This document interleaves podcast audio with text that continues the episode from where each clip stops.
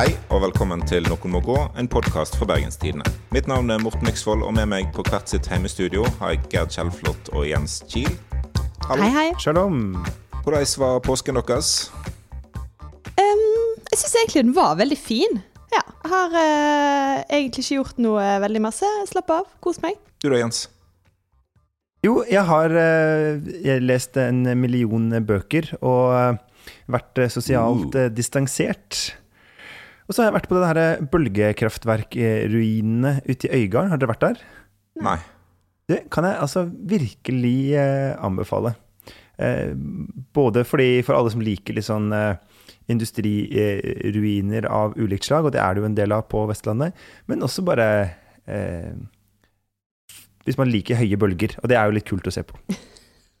ja, det er det. Det mest spennende jeg gjorde på i hele påsken, var å springe til isbilen. Den kjørte forbi her og fikk lyst på is, og så fant jeg òg ut at de hadde kvalt kjøtt. Så jeg er ti av ti påske. Åh, hvalkjøtt er Det er så godt. Det er mat. Ja. Kan jeg bare si en ting om det? At jeg har liksom tenkt at kanskje kunne eh, hele koronakrisa og litt sånn stress med eh, importlinjer og sånt noe, føre til at vi fikk spist opp mer hval, eh, tømt disse lagrene av reinsdyrkjøtt og sauekjøtt og sånn. Er jeg helt naiv nå, eller er det litt håp for det? Du er naiv, men det burde skje. Ok, takk. Det er egentlig så godt som det blir for min del. Ja. I dag så skal vi snakke om eh, åpning av skoler og barnehager, om flyktningkrangelen på Stortinget og det beste som finnes i hele verden, utepils når det er opplett.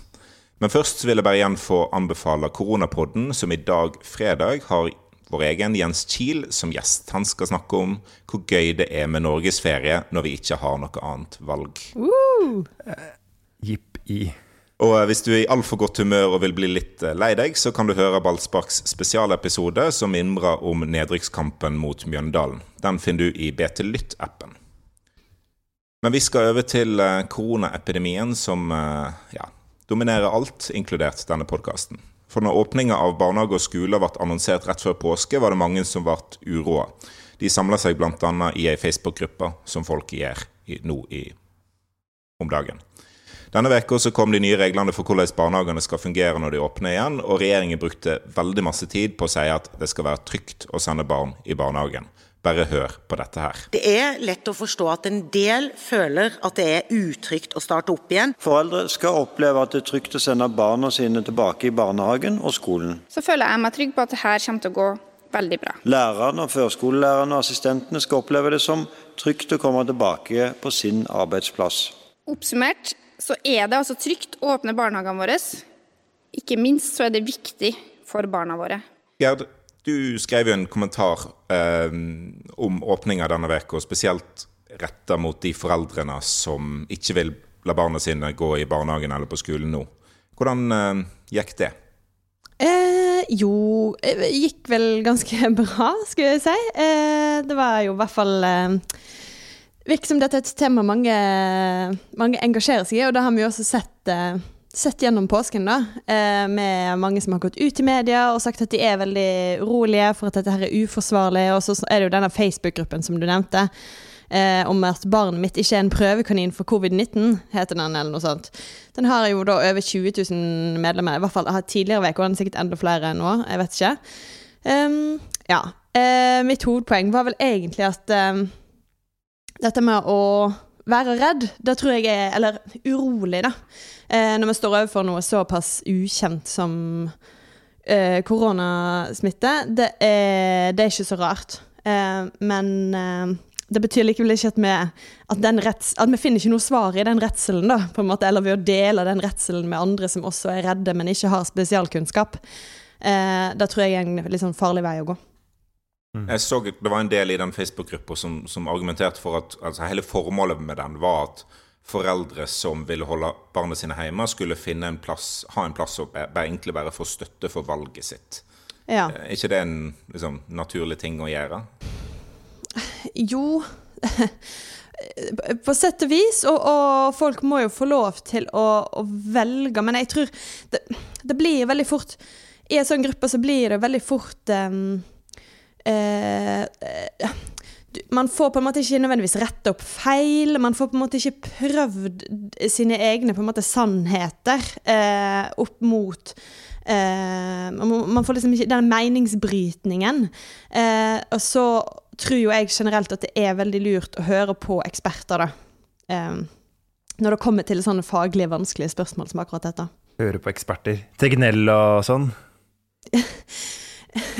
ja.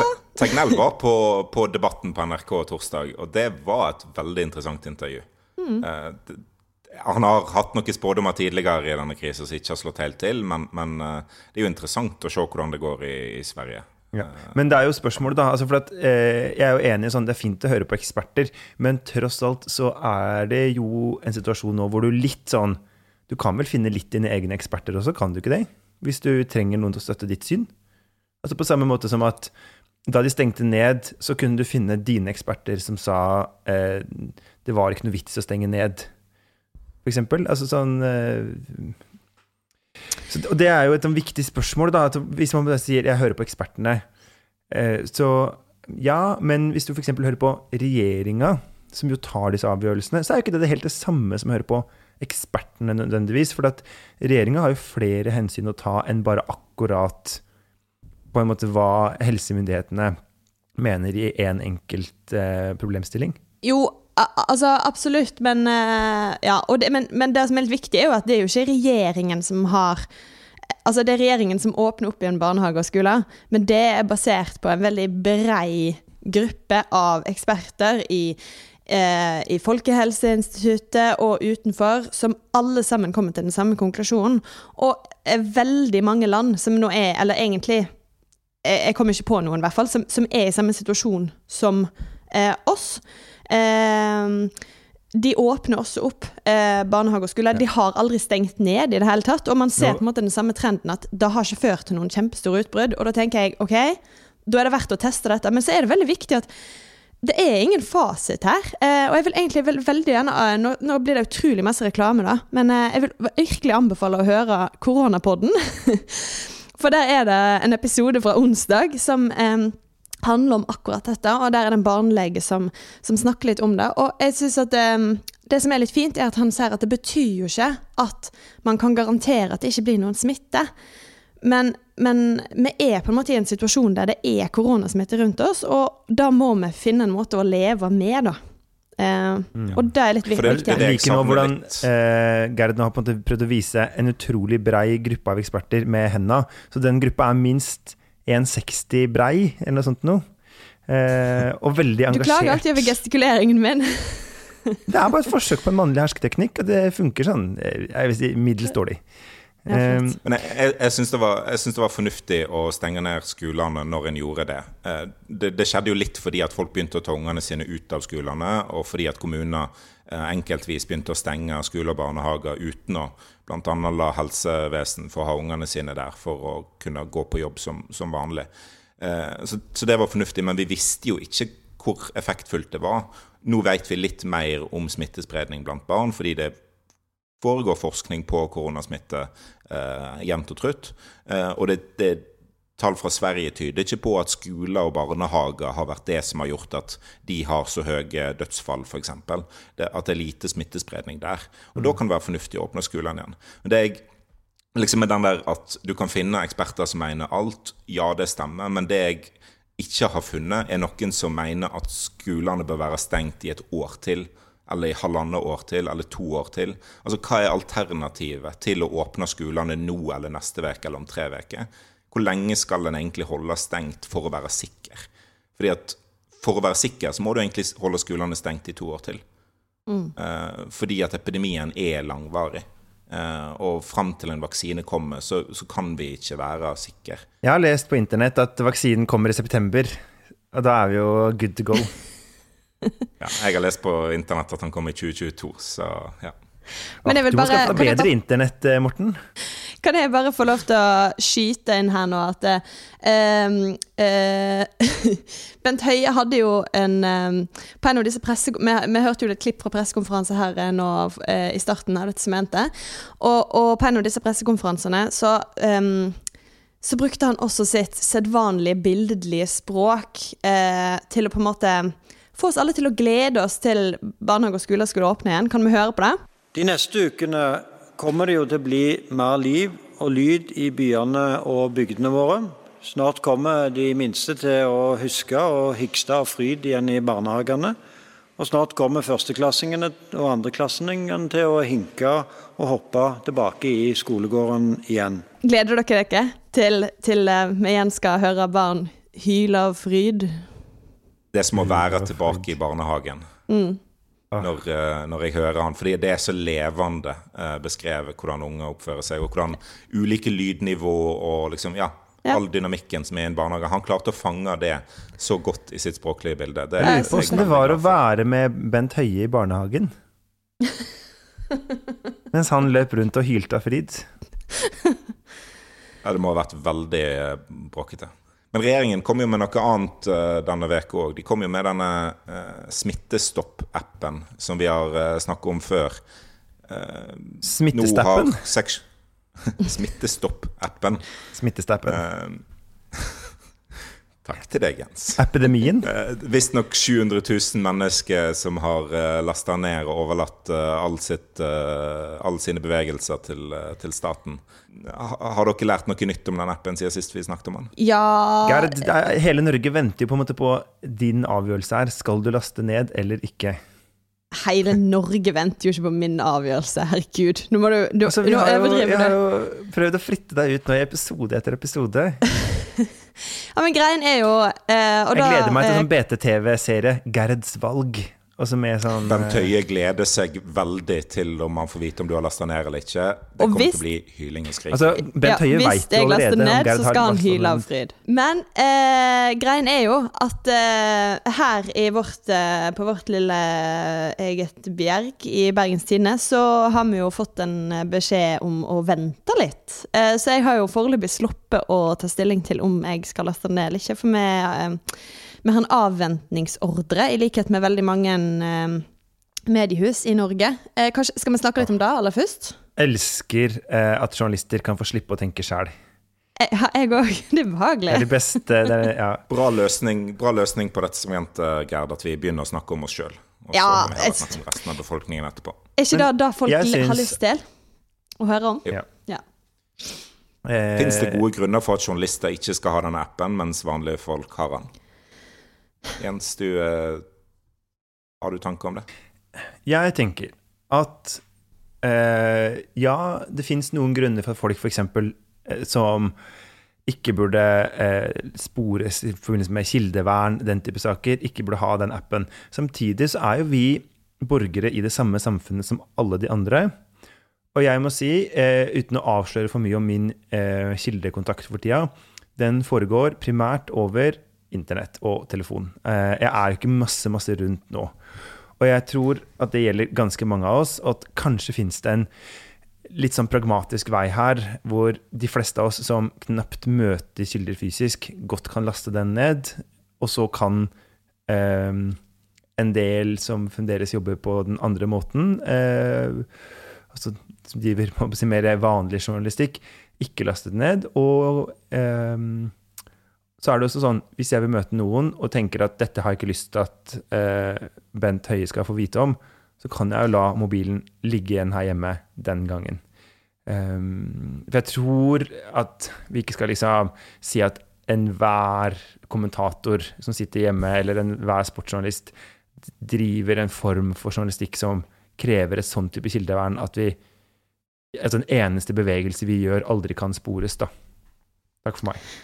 Du er ganske dristig her nå, da, Jens. Fordi siden dette dekretet ennå ikke har kommet fra øverste hold, så plutselig så kommer det nå eh, beskjed om at du skal ikke laste denne ned. Så kommer Media 24 til å ringe deg umiddelbart for å få deg til å gå i strupen på Frøy Gudbrandsen. Du vet det nå? Ja, men eh, jeg føler liksom jobben min Altså, eh, eh, Lundteigen Det blei jo en gang sagt om han eh, i en sånn festtale i forbindelse med et eller annet, eh, en bursdag.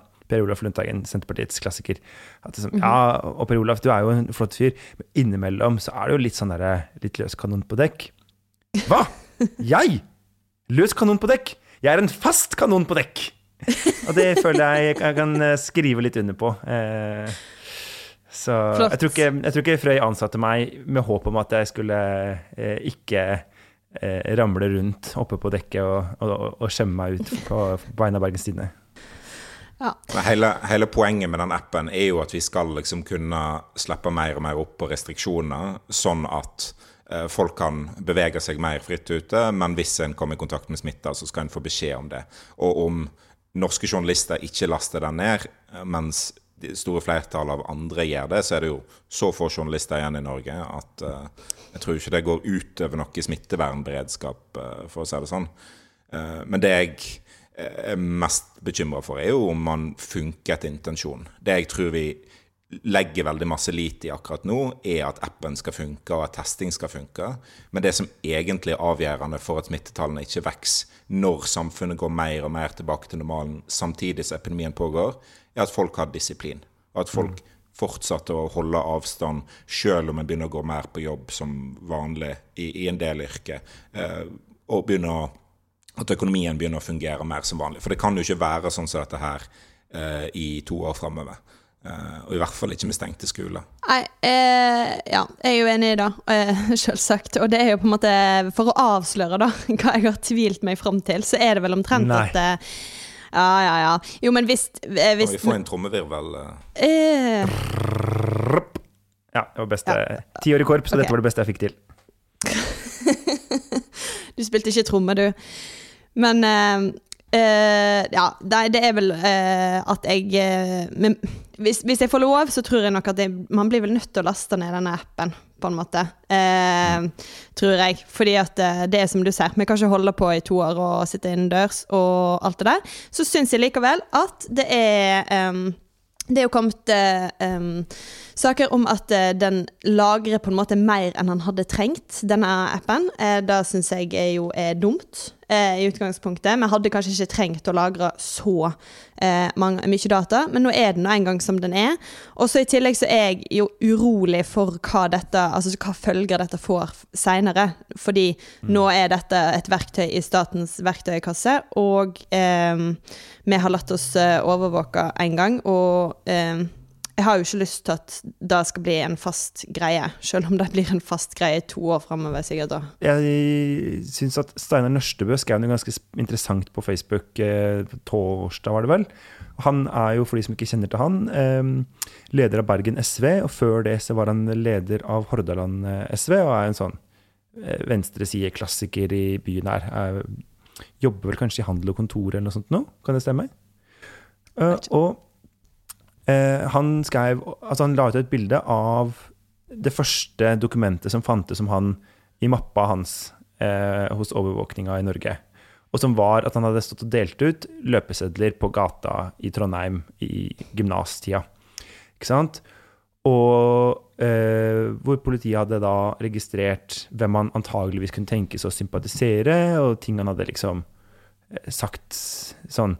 Og det er jo litt sånn jeg tror eh, mange, for eksempel, ikke minst på venstresida, som har jo det ganske friskt i minne. Altså at eh, politiet i Norge har en tradisjon for å overvåke ikke så lite de kan, men så mye de kan. Eh, og eh, ja, jeg på en måte er sånn det sa jeg vel sist om, men altså, jeg, jeg stoler jo ikke noe særlig på at dette ikke blir brukt noe annet og sånn, men eh, jeg stoler jo ikke egentlig på at ikke noe annet vi gjør, heller ikke blir brukt til å overvåke oss. Så OK, får bare godta det her òg. Det er vel litt der jeg har landa, da. Resignert. Ja, stadig ja. mer vestlandsk. Men jeg syns eh, Ja, vi, vi, må jo komme gjennom dette her på et eller annet vis, og kanskje er det dette som er den beste måten. Hva vet jeg. Men la oss eh, gå over i koronafri sone nå, folkens. Eh, en slags koronafri sone, i hvert fall. Hæ? Den er ikke så koronafri. Nei, den er jo eh, ikke det. Men eh, eh, ingen soner er koronafrie. Sånn er det i to år framover. Eh, cirka. Eller til september. Vi får se. Eh, hvert fall. I påsken så har det vært sterke bevegelser i Norge for at Norge skal ta imot eh, gruppa enslige mindreårige fra flyktningleiren Moria i Hellas. Eh, og saken er jo at i denne leiren med veldig dårlige forhold, så risikerer en nå et stort utbrudd av koronasmitte. Uh, og i hele Europa så er det jo en bevegelse på gang for å få land til å hente ut barn, så de ikke blir fanga i dette her. Um, Og i Norge så signerte først en hel haug med tidligere statsråder og statsminister et opprop, og KrF og Venstre begynte å si at de var villige til å gå imot sin egen regjering på Stortinget for å få til et flertall, for å tvinge regjeringen til å hente noen av disse ungene. SV er jo selvsagt for, og da trengte en bare Arbeiderpartiet på sitt lag for å få et flertall. Eh, og da gikk jo omtrent sånn her, vi kan høre. Masud Gharahkhani, innvandringspolitisk statsperson i Arbeiderpartiet. Vil Arbeiderpartiet ta imot barn fra Moria? Hente barn fra Moria? Altså, Situasjonen i Moria er jo jævlig, men det er også sånn at veldig mange steder hvor det er mange mennesker på flukt, så er situasjonen nå jævlig. Eh, svaret på spørsmålet ditt eh, er nei, og det er fordi vi ønsker å hjelpe Arbeiderpartiet, de sa nei. Og Morten Myksvold, jeg tror ikke du er så overraska. Eh, hvorfor ikke? Nei, altså noe av det som fascinerer meg mest med sånne asyl- og innvandringssaker, er når folk skal være sjokkerte på internett over at Arbeiderpartiet er restriktive i asyl- og flyktningpolitikken. Med sånn sjokk og vantro. Ap sa nei igjen. Det skjer nesten hver eneste gang. Altså Det er grunn til å være overrasket og sjokkert hvis Ap går i den mer liberale retningen. Eh, men, men det gjør de veldig, veldig sjelden. Så det er et litt sånn det, det, ser veldig rart ut når folk skal være eh, sjokkert over dette. Eh, fordi det er egentlig helt vanlig. Ap er på Høyre og Frp sitt lag stort sett i, i innvandrings- og asylpolitikken. Sånn mm. er det. Ja. Men det de sier, er jo da at de støtter på en måte regjeringen, eh, og, eller da Høyre, basically, siden halve Nei, ikke halve, men de der to andre småpartiene de støtter jo ikke sin egen regjering. Det blir vanskelig, dette, uansett. Um, Høyre, Monica Mæland og Erna Solberg og de, ser at uh, de vil vente på en felles løsning i EU. Um, og hva er på en måte sjansen for at en kan få til en felles løsning i EU? Altså, Den er jo akkurat like stor som på alle andre områder. Eh, altså, EU er jo en totalt dysfunksjonell union som bare bidrar til byråkrati og kaos i Europa. Eh, så selvfølgelig blir de ja, eller i hvert fall XX-eren, da. Men jeg eh, eh, Altså, ikke sant, når man ser nå Dette er jo egentlig ikke en sånn eh, vår tids store utfordring, akkurat Moria. Altså, Flyktningsituasjonen er jo en av de, men, men, men Moria-leiren er det er vel til sammen 20 000 mennesker, omtrent. Så fordelt på 30 land i EU-EØS, så er jo ikke det mer enn noen ganske få til hver, egentlig. Men selv ikke det greier man jo å løse innenfor eh, dagens EU-system. Så, eh, men det er klart, men den ordninga som har vært nå, da, eller det initiativet som har vært, har jo vært fra særlig Tyskland, men også en sju-åtte andre av de liksom sentrale eh, europeiske landene. Så at hvis man ønska seg en koordinert europeisk innsats, hvis det var det man virkelig ønska seg, så kunne man jo fint gjort det nå. Eh, det er jo bare det at man ikke ønsker seg flyktningbarn fra Moria-leiren til Norge. Og det var vel snakk om at Norge f.eks. kunne ta imot 20-30. Og jeg tror at alle skjønner eh, også de som altså sånn, Samme hvor man står i debatten, men jeg tror også de som er mot å ta det imot, egentlig veit at sånn Nei, de norske smittevernsystemene vil ikke blitt stående i kne av å ta imot f.eks. 20 unger fra Moria. Det er ikke det som påvirker, eller avgjør det, da. Jeg må bare skyte inn at altså, ja, jeg er enig med Jens om at EU er dysfunksjonell på flyktningfeltet. Eh, Punktum. Det er ikke det ellers ellers òg. Og, og, det er jo det som er poenget. Det er jo derfor regjeringen snakker om en felleseuropeisk løsning. Fordi de vet at svaret på det er nei i dette tilfellet.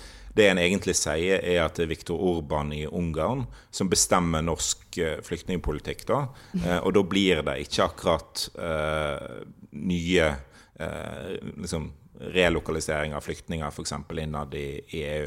For dette er jo flyktninger som er i EU. Eh, Moria-leiren ligger i Hellas og, og, kan flyttes mellom landene. Og det, det, som er med, med Ap, da, de, de, sier jo at de vil satse på kvoteflyktningssystemet, som er et bra prinsipielt standpunkt, og bare sier at det bør kanaliseres der. Men de sier òg at Moria er ikke så veldig spesiell.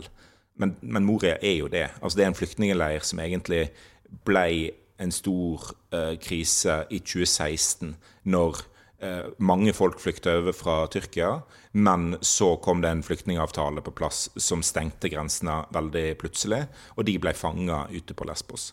Eh, så de kom seg rett og slett ikke videre. Og mange har sittet der i flere år. Noen har kommet til etter hvert, men mange har sittet der i, i, fire år. Så det er, en, det er en leir som egentlig har blitt forverra av en felles europeisk løsning. Eh, og da er det kanskje fornuftig å, å hente, begynne å hente folk ut derifra fem år etterpå. Det, det, er ganske nøyaktig fem år siden jeg var på tyrkisk side og så over på, på Lesbos fra der flyktningene reiste. Eh, og, og liksom ingenting har skjedd for dem eh, siden den gangen. Det er, ganske, det er ganske, fryktelig. Men i Norge så, Selv om du var der og så på dem? Ja, sjøl om det. Eh, men, men, så står folk i Norge og sier at ja, her skal vi ta et krafttak, liksom. Mm. Men det er jo eh, Men de er jo ikke det. Jeg tror ingen eh, blir veldig sånn overraska over å skjønne at kanskje det er litt sånn asylliberal linje i eh, NMG-redaksjonen. Men jeg må si det er to-tre ting som irriterer meg med Arbeiderpartiet, før vi går videre til to-tre ting som irriterer meg med Venstre og KrF. Men eh, det er jo sånn at det er på en måte helt streit at Arbeiderpartiet er eh, eh, på en måte konsekvente og strenge og alt det her i eh, innvandrings-, flyktning- asylpolitikken. Det har de vært i fire-fem tiår. Eh, men jeg syns av og til at jeg blir sånn Kan dere ikke iallfall argumentere bedre? Altså Nå sier Støre i dag at solidaritet er ikke å velge flyktninger fra én leir. Sånn, jo, det er i og for seg solidaritet, fordi alle flyktninger befinner seg i én leir. Eh, altså et eller annet sted. Eh, på en måte sånn Solidaritet er ikke å hjelpe arbeidsledige på én arbeidsplass. Jo da, det kan det godt være. Solidaritet er ikke å hjelpe kvinner i ett voldsutsatt parforhold. Jo, det er det egentlig. Eh, Han vil egentlig bare at FNs høykommissær skal være den som plukker flyktninger, ja. og ikke i et ekstraordinært tilfelle Norge. Ja, men det er liksom en sånn ikke sant, Masud Gharahkhani, som er eh, innvandringspolitisk talsperson i eh, Arbeiderpartiet, som er en megakrevende oppgave. Og han er en, egentlig en fyr som imponerer meg på mange områder, for han har jo klart i stor grad å skape en del kompromisser og konsensuser i det partiet på et kjempevanskelig område. Men han som sier sånn Vi kan ikke hjelpe alle. Det, nei, men det var det jo ingen som sa. Altså Eh, selvfølgelig kan vi ikke hjelpe alle, men eh, skal det være argumentet, så kan man jo slutte å ha politikk, da. Så En kan slutte å ha smitteverntiltak, f.eks., for, eksempel, for vi kan jo ikke hjelpe alle. Ja. Eh, men liksom likevel, da, dette til side. Ja, litt støy i Arbeiderpartiet, men Venstre og KrF. Som, sikker, som, som jubla jo veldig, for nå skulle Frp ut av eh, regjering. Og så oppdaga de plutselig etterpå at ja, men Høyre mener jo egentlig 80-90% det samme som Frp i mange av de her spørsmålene, og har alltid gjort det. Og eh, de fikk eh, Monica Mæland inn på den posten, og hun er jo liksom eh, Hva skal jeg si Hun er jo ikke en som sier eh, nei takk til en litt sånn tøff politisk fight for noe hun mener at det er Altså et prinsipp hun mener er viktig å holde. Og da har Venstre og KrF i stedet da, for å prøve å, å gjøre noe med det, eh, begynte en slags sånn Frp-taktikk med å mene alt mulig samtidig. De mener litt på Stortinget, litt i regjering, litt ute i lokallagene. Og Sondre Hansmark, leder i Unge Venstre, og Askøy-væring, han har jo gått over til at Twitter-kontoen hans er en sånn permanent diss av ting Arbeiderpartiet tidligere har ment og sagt i flyktninge- og asylspørsmål. Og det er sånn Ja, men eh, det hjelper på en måte ikke, Sondre, at Arbeiderpartiet sa noe rart om flyktninger i 2011, hvis det er ditt parti som sitter i regjering nå. Eh, og den derre avmaktsdemonstrasjonen Det er jo det som er så rart med hele greiene med at eh, Venstre og KrF har hatt et så voldsomt vanskelig eh, jobb med å klare å samarbeide med Frp, når de ikke ser at Høyre er ikke, er ikke så veldig langt unna. Så det er en sånn symbolikk der eh, som åpenbart er viktigst. Ja. Der Frp er sånn skummelt noe, mens Høyre, som mener nesten det samme, de er, mm. det er fine, flott sentrumssamarbeidspartnere. Mm. Ja, jeg må si, eh, apropos dette SV-greiene, at jeg jobba jo på partikontoret til SV siste året eh, SV satt i regjering. Og da var det jo veldig sånn Hvis SV-erne ikke hadde noe annet å gripe til i om det var olje, eh, naturvern, flyktninger, et eller annet, i debatter mot Venstre, så var det å peke på noe Venstre hadde ment i, eller tapt i regjering um, åtte år tidligere, ikke sant? Og liksom, da, da har du tapt så innmari, når det er utgangspunktet ditt. Så, ja, men dere mente dette i 2002. Eh, de debattene, da, da kan du egentlig bare melde walkover. Vi skal over i vår faste spalte og Vestland. Hva er det du har eh, tenkt å ta opp med oss i dag, Jens? Du, gutten min, i dag er det meldt 17 rød på Nesodden. Og da skulle det vært mulig å ta seg ei lita utepils, hvis vi bare tar eh, båten over. Og nei, vi sitter ikke i eh, regjeringa og eh, kan derfor ikke og holder ikke til i Oslo, så vi kan ikke ta båten til Nesodden. Men det er jo meldt, eller det er fint vær i Bergen. Breaking news. Og det er meldt fint vær i ti dager. Ikke at værmelding betyr noe som helst her borte, men OK. Eh, Så vi skal rett og slett snakke om eh, utepils. Og som eh, jeg jo er en slags eh, entusiast for, men eh, ikke den eneste i, i NMG-redaksjonen. Men altså, fordi en ting som eh, var veldig rart med å flytte fra Oslo til Bergen, det er det at sant, i Oslo så fra april til september så er det på en måte steady godt vær ute. Og det betyr at du kan eh, ja, gå og ta en øl etter jobb med en kollega hvis du vil, og sånn. Eller du kan melde liksom eh, Nei, du, jeg blir ikke med i dag. Jeg, tar, jeg blir med kanskje på fredag eller neste uke eller noe. Men i Bergen så er det jo sånn at hvis du eh, har eh, Ser ut av vinduet sånn i halv to-draget, og det er meldt godt vær, så må du bare kaste alt du har i henda. Fordi denne muligheten kommer kanskje ikke igjen på tre uker. Da er det Eh. sikkert masse meldinger rundt om på tekstmeldingssystem og Messenger og alt sånt. sånn Utepils i dag, skal vi grille? Liksom, full pakke, vi må gjøre det med en Mm. gang. Fordi at det regner sikkert klokka sju. Hva, eh, altså eh, Du, Morten, har jo bodd begge steder. Er det, altså, hva, er, eh, hva er på en måte utepilsreglene i Bergen mot Oslo? Altså, det er jo litt fordi at Oslo ikke har særlig lokalaviser og sånt, og jeg leser ikke liksom, Følger ikke så masse med der borte. Men her er jo årets første utepils er jo litt som når en finner liksom årets første markblomst. Og, altså, det er et vårtegn, da. Det er, liksom, det er en dato du huker av og ser. Neste år ble utepilsen tidligere eller seinere. Det er på en måte en markering. eh, Mm. Fordi at det er en eh, indikasjon på at den lange november eh, er ferdig. eh, Og at nå kan det kanskje bli regn i 12 grader i stedet for 4 grader. Eh, Og i mellomtida der så er det litt sol der vi kan kose oss. Og da må en ut. Da må en på en måte eh, ha utepils. Jeg vil også skyte inn her da, at, at eh, årets første utepils kan fort òg på en måte bli Jeg skulle ikke årets siste, ne nesten. Det kan på en måte være eh, at det er den, eh, den første, og så neste blir etter sommeren. Ja. Men Gerd, eh, Ja. det er et uttrykk som jeg sleit litt med å skjønne i starten da jeg flytta hit. Opplett. Hva er Ja. det for noe? Det er fint vær.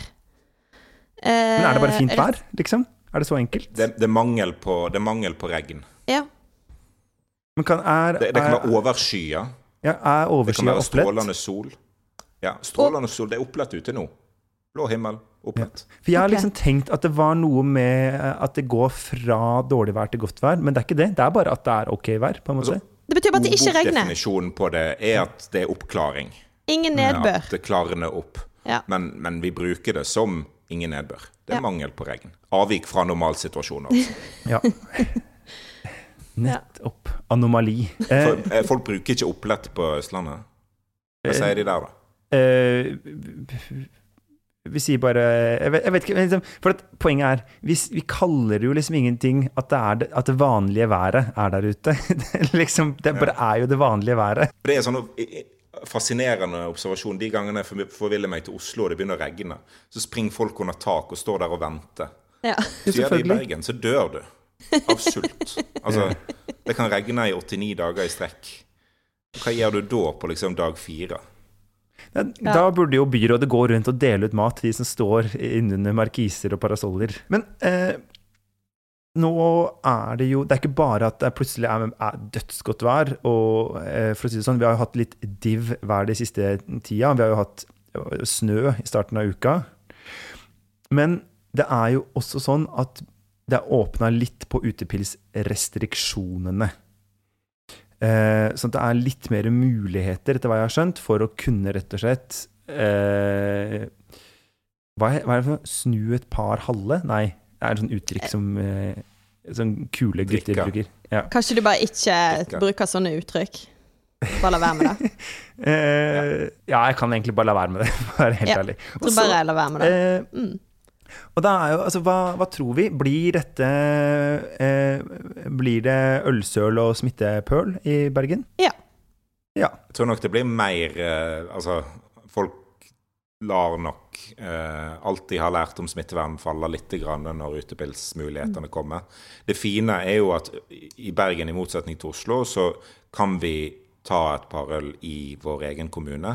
Så vi trenger ikke reise til måtte, vårt Nesodden, Askøy, for å drikke øl. Og det som vi dekka i forrige episode. Oh, og Morten, kan ikke dere bli med meg til eh, Askøy og så leite etter utepils eh, neste fredag? De tror vi må ta med oss sjøl, i så fall. Uh. Ja. Men jeg bare for, kan, hvis jeg kan liksom utdype litt på det Morten har snakka litt om her, da. Eh, fordi at eh, Bare for å forklare hvorfor jeg virkelig tror det blir smittepøl. Eh, for det er det er litt sånn som, eh, ja, som, som du var inne på, sant? at man må bruke den ene sjansen. Eh, og det er sånn at hver gang det er eh, fint vær i, i Bergen, og på Vestlandet generelt, da, så blir en bare så ekstremt stressa. Eh, for det er veldig kjekt, men det er òg Jeg vil si at det er, det er også belastende, fordi at du veit det der at denne dagen får du kanskje aldri igjen. Eh, og da må du bruke den. Eh, det er sånn ekstremt Carpe Diem, liksom. Eh, og du må være ute. Du, Paulo blir- Coelho, ro deg ned. ja, men, ja, men og det, det er litt forferdelig, faktisk. Og det verste er hvis det er mange fine dager på rad, for da begynner du å stresse, for da begynner du å telle. For vi vet på en måte at vi har ca. 100 opplettsdager i året eh, her i denne byen. Eh, Noen av de kan det faktisk være sol i òg. ja, og noen er det sol i. Men da vet du sant, at nå da kan du begynne å telle ned. Da er det 99 Ja, igjen, og så er det 98, og så Ja. Må du ikke bruke Altså, ja. Så man blir veldig stressa og lurer på om man har man brukt de godt nok. Eh, og, og, så, og jeg blir også veldig stressa, for jeg tenker sånn For eksempel hvis det er for fint vær nå, da. Så er det litt sånn ah, Skulle vi ikke spart noen av disse finværsdagene til sommeren? tenker jeg da. Fordi at det, du vet at hvis det er fint vær i april og mai, så blir det garantert berredrit i juli når du egentlig har ferie og det kunne vært varmt. Men er, Og- dette, er, dette, er du nå på en måte meteorolog eller spåkjerring? Eh, altså at hvis er sånn Vestlending. Jeg, jeg er vestlending. Eh, eh, varm april gir eh, juni kald som en stril. Er det liksom en sånn regel her, eller? Nei. Problemet nei, nei. er at alle opplætsdagene på Vestlandet er kvotepliktige, på en måte. Altså, de, de, det, det teller ned hvor mange vi har igjen, og så vet vi ikke helt hvor stor kvoten er. Det er jo det liksom, Vi veit jo hvor stor den kvoten er. Morten Myksvold. Den er liten. Ja, men den varierer litt fra, fra gang til gang, da. Ja, det jeg er er litt befriende med eh, Solrik korona mai gir eh, vind og svai. Nei, jeg tror jeg skal ikke bli Ja. Takk for meg. Ikke bli sånn rim, kjerring. Det jeg syns er litt befriende med denne eh, koronasituasjonen, da, er at eh, den, det, det stresset på at en må liksom ut og være med folk fordi det er sol og fint vær, det blir på en måte det, det blir ikke der nå. Altså, jeg Jeg føler jeg til vanlig ingen trang for å måtte gå ut, men jeg får litt dårlig samvittighet for at jeg ikke gjør det. Mm. Og nå er det på en måte Nå er ikke den dårlige samvittigheten der. Eh, For nå har jeg på en måte fått beskjed av Bent Høie om å ikke liksom Hyle og skrike rundt om i samfunnet. sant? Selv om det er sol og fint vær. Jeg kunne godt tenkt meg gått ut og liksom uh, hyle og skrike. Og også- Det kunne du ikke, Morten Myksvold! Du kunne ikke tenkt at å går ut og Det var en skrike. test, Jens. Det var en test. Altså, Men kan jeg også si at hvis ikke det hjelper blitt gal i isolasjon. Men det hjelper også veldig med en koronasituasjon, fordi eh, jeg tror den her som du spør, er du meteorolog eller spåkjerring, er på en måte Det er bare noe sånn vestlandsk sånn med mm, eh, vi får på en måte det vi fortjener, på en måte, eller hvis, hva jeg skal si. Det er helt Det er, jo nå- ikke, det er jo ikke vitenskapelig, men det er sånn. men det er sånn. All erfaring tilsier at det er sånn. Men nå får vi på en måte så masse drit i resten av livet vårt at kanskje vi hadde fortjent litt sol, tenker jeg nå. Så nå stresser jeg ikke så masse, for nå tenker jeg noe godt må jo komme, på en måte. En ting som jeg syns er veldig deilig med å bo på Vestlandet, det er at det virker som det er mye mindre press her enn på Østlandet på det å være brun på sommeren. Ja. Fordi sjansene for å bli brun er uansett så liten at det, det er ikke noe på en måte å styre med. Eh, og det har jeg Solarium eller. Syden. Ja. Eh, og jeg er ikke noe glad i å være i eh, Syden. Jeg gleder meg jo helt sykt mye til å være ute i sola og kjenne på en slags eh, En helg med Østlandet på eh, Vestlandet. Og så er jeg science. Hæ? Emneknagg ytringsfridom, emneknagg free speech, eh, emneknagg Altså, Bergen blir ikke til Drøbak bare fordi det er sol og fint vær. Bergen er fortsatt Bergen. Nei, Der er Bergen skal bli Nesodden. Det skal det bli. Nei. Vi skal ikke ha noen statssekretærer på utepilstur her. Men før vi avslutter i dag, er det noen som må gå denne uka? Jeg tenker jo at eh, den eh, gjengen som lurte på med han eh, Peder Eikseth på statsministerens kontor i spissen, som lurte på å ta seg denne utepilsturen til Nesodden ja, De må ikke akkurat gå, men eh, herregud, så flaut det var. Gå De må i i hvert fall ikke ta ferga. Nei, de må sitte helt stille. Kanskje det er det, de må ikke gå. Skal jeg da mene at folk bør gå i barnehagen med ungene sine, kanskje? Ja, med Ja, det- den smitteappen på, sånn at de får se at de går dit. Ja. Ja, for jeg tenker at folk som har lasta ned den appen, de må gå litt ekstra masse. Bare sånn at staten får litt sånn valuta for pengene sine her. ja. synes jeg det. Eh, Det, det er viktig. Innspill og tilbakemeldinger til oss kan du sende til uh, nmg.alfakrøllbt.no eller i Facebook-gruppa Noen må gå. Intromusikk var bergenser- Ja, den er ganske stor, den. Det er populær på internett fortsatt.